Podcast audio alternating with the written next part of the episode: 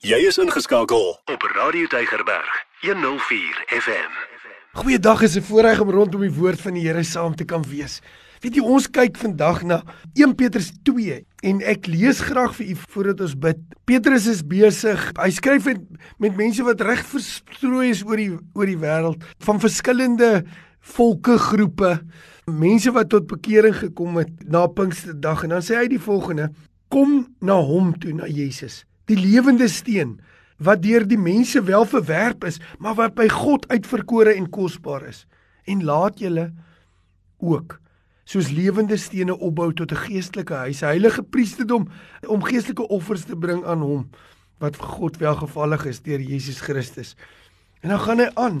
Dan sê hy van hoe hulle die kosbare hoeksteen sal verwerp, maar hy sê vir julle dan wat glo, is hy kosbaar. Maar vir die wat ongelowig is, geld die woord wat sê die steen wat hierdie bouers verwerp is, jy's uit die hoeksteen geword, 'n steen van aanstoot en 'n rots van struikeling. En dan sê vers 9 van 1 Petrus 2, hy sê: "Maar julle is 'n uitverkore geslag. Julle is 'n koninklike priesterdom, 'n heilige volk, 'n volk as eienaam verkry om te verkondig die deugde van hom wat julle uit die duisternis geroep het tot sy wonderbare lig. Hier kry jy een van die mooiste beelde van wat is die kerk van Jesus? Wat is die kerk van Jesus? Jy kry die beeld van die kerk van Jesus wat soos 'n geestelike huis, geestelike stene is wat opgebou is en as ons dan nou na hierdie gedeelte saam kyk, wil ons vandag vra wat beteken dit om deel van die geestelike huis van God te wees? En watter voordeel het dit dan vir my? En wat is die getuienis van om deel van die geestelike huis van God te wees? Maar kom ons bid net eers. Vader, ek bid dat U in hierdie oomblikke U die woord sal lewend maak in ons harte en dat U deur die krag van die Heilige Gees sal doen meer as wat ons kan bid of dink. In Jesus se naam vra ek dit. Amen. Ek weet die die Bybel beskryf hier of hier kry ons nou in hierdie gedeelte kry ons eintlik twee beelde van hoe die kerk van Jesus lyk. Maar meer as dit, As ons praat oor die kerk van Jesus, dan kom die fokus ook baie baie skerp in na elke een van ons wat bloedgewaste kinders van die Here is. So hy word gepraat as 'n geestelike huis, die huis van God. 1 Timoteus 3 vers 15 sê Paulus skryf die dinge vir Timoteus sodat jy sal weet hoe om jou in die huis van God te gedra, die, die gemeente van die lewende God. Die huis van God is die plek waar God bly. Nou wil ek dadelik 'n vraag vra. Waar bly God? Waar bly God? Nou ja, sien natuurlik die Bybel ken jy nie weet en jy ken die Here weet jy. Ja, hy bly binne in my. Dis wonderlik. 1 Korintiërs 6 sê ons liggame is tempels van die Heilige Gees. Maar as hy dan hier sê die geestelike huis van God. Hoekom skryf hy dit so baie pertinent? En watter betekenis het dit vir u en ek? Vandag, daar waar u sit, daar waar u in die stryd sit, watter betekenis het dit vir u? Die plek waar God woon. Plek waar waar die Here bly. Ek ons dink aan die plekke waar die Here gewoon het. Eers die die tuin van Eden, wat het gebeur? Hy het daar gewandel saam met Adam en Eva. Dit was die volmaakte prentjie. Dit het net gelyk asof dit so volmaak is. Die volmaakte prentjie. Ongelukkig het daar sonde ingekom. En hulle moes verdryf word uit die uit die eerste huis van God uit. En kort daarna, kort in terme van hoofstukke, 1000 jaar of so daarna, dan wat gebeur? Dan kom die vloed, die sonvloed en dan vernietig God daardie eerste huis van hom. Heeltemal vernietig. Daarna toe die water weer opklaar, dis dit weg. Toe is daar nie meer Eden nie, is weg. En toe daarna dan sien jy die Here begin met sy volk werk. En dan bring hy hulle uit Egipte uit en dan lei hulle in die woestyn en dan gee hy hulle tabernakel en sê dis waar ek in julle midde gaan wees. En dan is daar sekere voorskrifte onthou die tabernakel. Maar tog kom sonde in by die volk en wat gebeur? Deur Saul se ongehoorsaamheid en deur die volk se wegdraai verloor hulle die tabernakel. Die ark word gevat in die tabernakel van God. Die huis dan is nie meer daar nie en dan dan bring Dawid dit terug, maar hy wil meer permanent iets sê en dan wil hy 'n tempel bou. Maar die Here het lank na Dawid al gesê wat hy eintlik vir Dawid ook gesê het dat hy is God, hy woon nie in 'n huis wat deur mense gemaak is nie. So Dawid kan 'n tempel bou. Hy kon toe nou nie want hy het te veel bloed op sy hande en sy seun Salomo bou dit toe.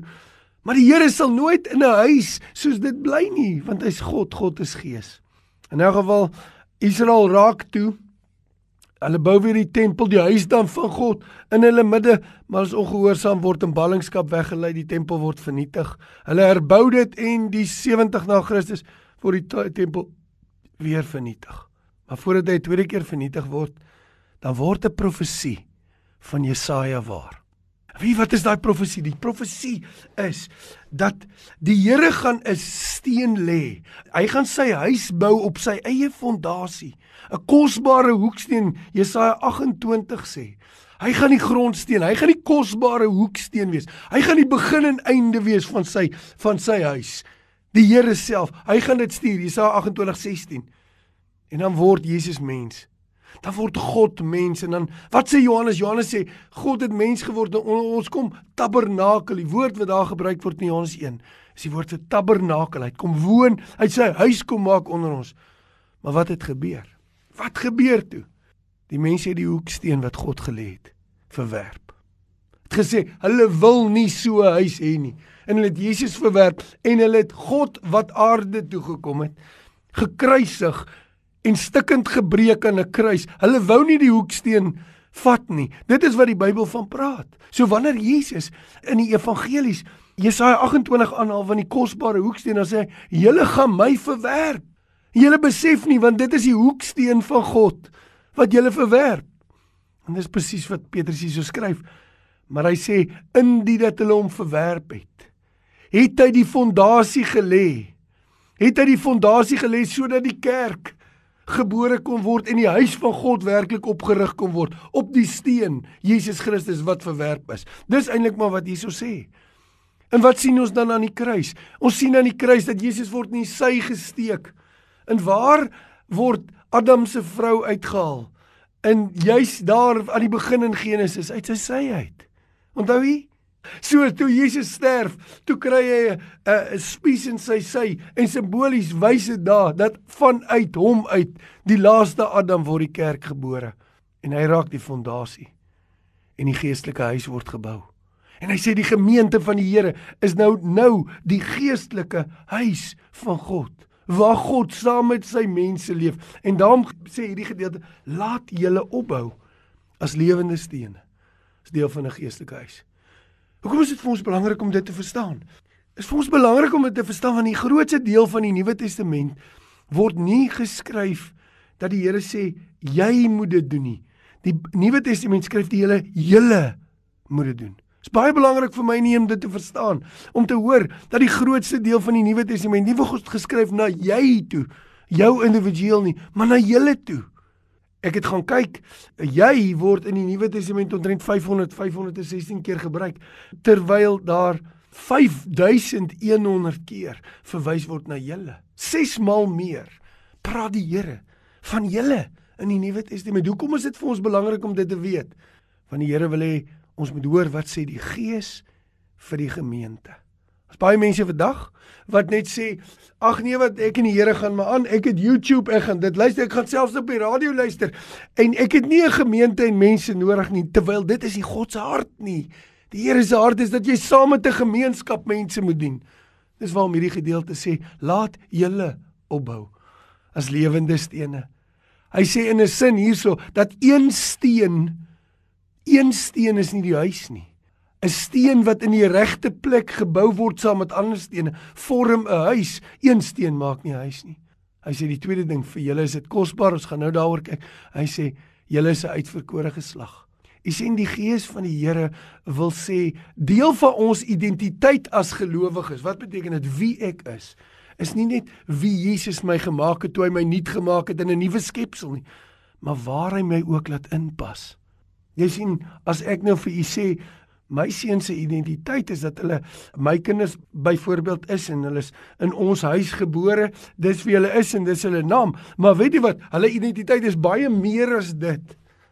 Hulle raak deel uit van ons groter familie. Hulle raak deel uit van 'n skool waar binne hulle was. Hulle was deel van 'n volkgroep. Dis wie hulle is, hulle natuurlike identiteit. Nou geestelike identiteit werk net so. En baie baie mense. Miskien is u een van hulle. Sukkel in jou geestelike lewe omdat jy nie verstaan dat die Here jou saam met ander mense roep. gesels nou die dag met mense en ek is weer herinner aan Hooglied 1 wat sê: "Waar vind jy die herder in die spore van die ander skape?" Oor die Bybel sê: "Laat julle opbou as lewende stene." Wat laat julle opbou as lewende stene. Nou, kom ons praat 'n bietjie oor die huis van God. Wat is die huis van God? En dit is die, die Here wat wil hê u moet deel wees. En as u vandag hierdie hoor en u luister en u is nie deel van 'n lewende gemeenskap wat die Here dien nie, dan hoor die woord van die Here, die Here sê, laat jou opbou as lewende stene in 'n geestelike huis. So met ander woorde, gaan buig voor die Here en sê Here, ek wil my laat inbou waar U wil hê ek moet inbou. Dis ontsettend belangrik vir u geestelike stap. Hoor nou wat wat die woord van die Here hierso sê. Nou 'n huis. 'n Huis soos my huis, soos miskien u huis waar u bly. Maar kom ek gebruik my huis as 'n voorbeeld. Het 'n klimaat en 'n kultuur. Weet jy wat is 'n klimaat en 'n kultuur? Dit beteken aan die een kant 'n klimaat is gaan oor die temperatuur. Nee, en 'n kultuur is ons maak so binne ons kultuur. So 'n huis het 'n temperatuur, 'n klimaat en 'n manier hoe mense dit doen. Nou die geestelike huis van God ook net so. Weet jy wat is die klimaat? Wat is die temperatuur in die geestelike huis? Wat bepaal die temperatuur in die geestelike huis? Ek gaan dit nou vir julle sê. Maar voor dit gaan ek 'n voorbeeld noem. Weet jy 'n huis het 'n temperatuur? Natuurlik het 'n huis 'n temperatuur. Ek het baie baie keer meer as nou, uh toe ons net jong getroud was. Omdat ja, ek ja, dit dis nou nie altyd dis nou nie altyd 'n goeie eienskap vir my nie. Ek is baie keer laat want ek is ek is baie keer by net te veel goed betrokke en hardloop ek baie keer my dood en veral as 'n jong getroude man het ek dit baie gedoen. So dan kom ek in die huis en my vrou sê vreeslike persoon wat wat bekleierig is nie. Maar as ek laat kom, ek het nou sien nou maar van gesê ek is 6 uur daar ons moet nou eet en dan kom ek kom ek later by die huis. Weet jy, dan's daar so 'n koue atmosfeer. Ek weet nie of jy dit verstaan nie. Dis so dis so 'n koue atmosfeer. Jy kan jy kan weet hoe dit is. Daar's so koud en jy kan dit voel, man. Jy kan dit voel. Selfs die kos is koud. Hoekom? Wat wat ek was laat. Jy verstaan hoe dit werk, nê? Nee, maar net so het 'n huis ook 'n temperatuur. Jy kan in 'n huis instap en daar's 'n warmte. Daar's 'n liefde. Onmiddellik voel jy welkom. Nou die huis van God het ook 'n temperatuur. Hy het ook 'n temperatuur. En wat bepaal daai temperatuur? Hy sê die volgende: Die wêreld het die hoeksteen verwerp, maar vir julle is hierdie hoeksteen kosbaar.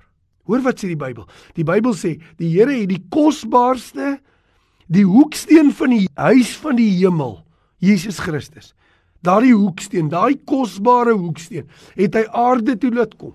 En Jesus Christus, die kosbaarste van die hemel, God self, het aarde toe gekom. Die mense het hom verwerp, maar vir ons wat glo, is hy kosbaar. So die temperatuur, die klimaat van 'n huis word bepaal van die huis van God word betaal van hoe kosbaar is Jesus in ons midde. Verstaan, wat is ons liefde vir hom? Wat is ons verlange? Wat is ons graad van toewyding en oorgawe aan hom? Is hy vir ons kosbaar? Is hy ons skat? Is hy die een wat die meeste weeg in ons hele lewe? Is hy die een wat alles bepaal in hierdie gemeente? Want as hy die een is wat alles bepaal van hierdie gemeente, as hy die een is wat ons wil behaag bo alles, weet jy wat doen dit? Die liefde van Christus is aansteeklik in ons liefde vir mekaar. En omdat ons mekaar liefhet omdat hy so kosbaar is en ons hom liefhet en ons saam hom liefhet, vloei daai liefde vir mekaar na wêreld. Die temperatuur in die gemeente van die Here, die huis van God word bepaal deur die kosbaarheid van Jesus. As daar nie liefde is nie. As daar in 'n gemeente nie 'n liefde is onderling nie, weet jy wat is dit? Dis 'n getuienis van dat Jesus is nie in die kosbare plek wat hy moet hê in 'n gemeente nie. As jou liefde in jou lewe taan, dan is dit een gevolg en dit is Jesus is nie kosbaar vir jou as die enigste skat in jou lewe nie. Daar's ander skatte. Daar's ander dinge. Die tweede wat ons wat ons moet sê is die kultuur van hierdie huis die kultuur van hierdie huis en en dit is net so belangrik want jy weet wat is die kultuur? Hoe maak die huis van God? Hoe maak die gemeente van die Here? As ons sê ons moet van sy kosbaarheid getuig. Hoe maak die gemeente van die Here? Luister hierso, maar julle is 'n uitverkore geslag, 'n koninklike priesterdom, 'n heilige volk, 'n volk as eiendom verklei om te verkondig die deugde van hom wat ons uit die duisternis geroep het tot sy wonderbare lig. Wat doen die gemeente van die Here? Die gemeente van die Here moet verkondig. Ons leef. Ons is nie huis van God vir onsself nie. Ons soek nie net Jesus om kosbaar te wees vir onsself nie. Dit moet wees om te verkondig. Die Bybel sê die gemeente van die Here bestaan uit twee dele: 'n klimaat wat 'n liefdesgemeenskap is omdat Jesus vir ons kosbaar is en 'n gesamentlike onderneming om te getuig van hom wat vir ons kosbaar is. Dis hoe die gemeente van die Here lyk. Die klimaat word bepaal deur hoe kosbaar Jesus is die kultuur is. Ons gaan om te verkondig. En daarom 'n gemeente wat se ingesteldheid nie is om te gaan verkondig aan 'n wêreld die kosbaarheid van Jesus nie, kan nie gemeente wees nie. En dis waarom Jesus in Openbaring 2 sê vir die gemeente van Efese wat hoe wonderlike gemeente was. Ek gaan die kandelaar wegvat want julle julle eerste liefde verlaat. Jesus sê in 'n sin daar vir die gemeente, die Gees sê vir die gemeente die volgende: Ek is nie meer die kosbare eerste liefde van julle nie en julle verkondig nie meer dat ek kosbaar is nie. Waar staan u? Het u u eerste liefde verlaat? Die wegbeweeg uit ander dinge, selfs geestelike dinge, vir u meer kosbaar geraak as die Heiland self en die lewende Jesus en om hom beter te leer ken, want dan is ons op 'n baie gevaarlike plek. En die tweede ding, leef u om te verkondig want die kerk van Jesus leef altyd om te verkondig. Wat moet ek verkondig? Wat verkondig ek? Jy weet die woordjie kosbaar wat hier gebruik word word ek dink 7 of 8 keer so gebruik in die Nuwe Testament. Maar die enigste boeke waar dit konstant gebruik word is 1 en 2 Petrus. Meer as die helfte van die kere wat hierdie woord gebruik word is in 1 en 2 Petrus. Petrus is baie lief vir hierdie woord kosbaar. Ek dink omdat Jesus vir hom so kosbaar was.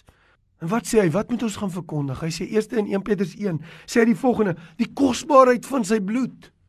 Hy sê ons moet 'n boodskap dra na buitentoe. Dit wat ons liefde vir hom bepaal en ons boodskap na buitentoe is die kosbaarheid van sy bloed. Want wat beteken die kosbaarheid van sy bloed? Die kosbaarheid sê julle is vrygekoop deur die kosbare bloed van 'n vlekkelose lam, nie deur goud en silwer nie. Wat hy sê is die bloed van Jesus, die lewe van Jesus was baie meer werd as wat goud en silwer ooit kan wees. 'n Mens se lewens, die kosbaarheid van die bloed beteken is 'n refleksie van die kosbaarheid van die lewe. Die waarde van die bloed lê in die in die waarde van die lewe, die vlekkelose lewe wat Christus geleef het, die lewe wat hy sondeloos geleef het. En daarin is meer waarde as enigiets anders in die heelal want jy weet, daar's geen mens wat nog ooit sondeloos geleef het nie, net die vlekkelose lam van God. En daarom is hy die enigste bloed. Sy bloed is die enigste offer wat ons kon vrykoop. Dis die grootste waarde. Die waarde daarvan is die lewe van die lewende God. En hy sê dis die moeite werd om daai kosbare waarheid te gaan verkondig. Die tweede ding is die kosbare waarheid van die kosbare hoeksteen om te sê daar's geen ander steen en fondasie waarop jy in hierdie wêreld, in die storms van hierdie wêreld kan bou nie. Die derde is die kosbaarheid van die geloof wat ons ontvang. Beteken om te sê dat hierdie is 'n nie geloof wat op godsdienstige beginsels en reëls gebou is nie, maar hier is 'n geloof wat in 'n lewende hoop gebou is wat in 'n lewende hoop gebou is. Jy weet, ons geloof is lewend. Ek en u kry deel aan 'n lewende nuwe nuwe familie. Ons kry deel aan 'n nuwe identiteit.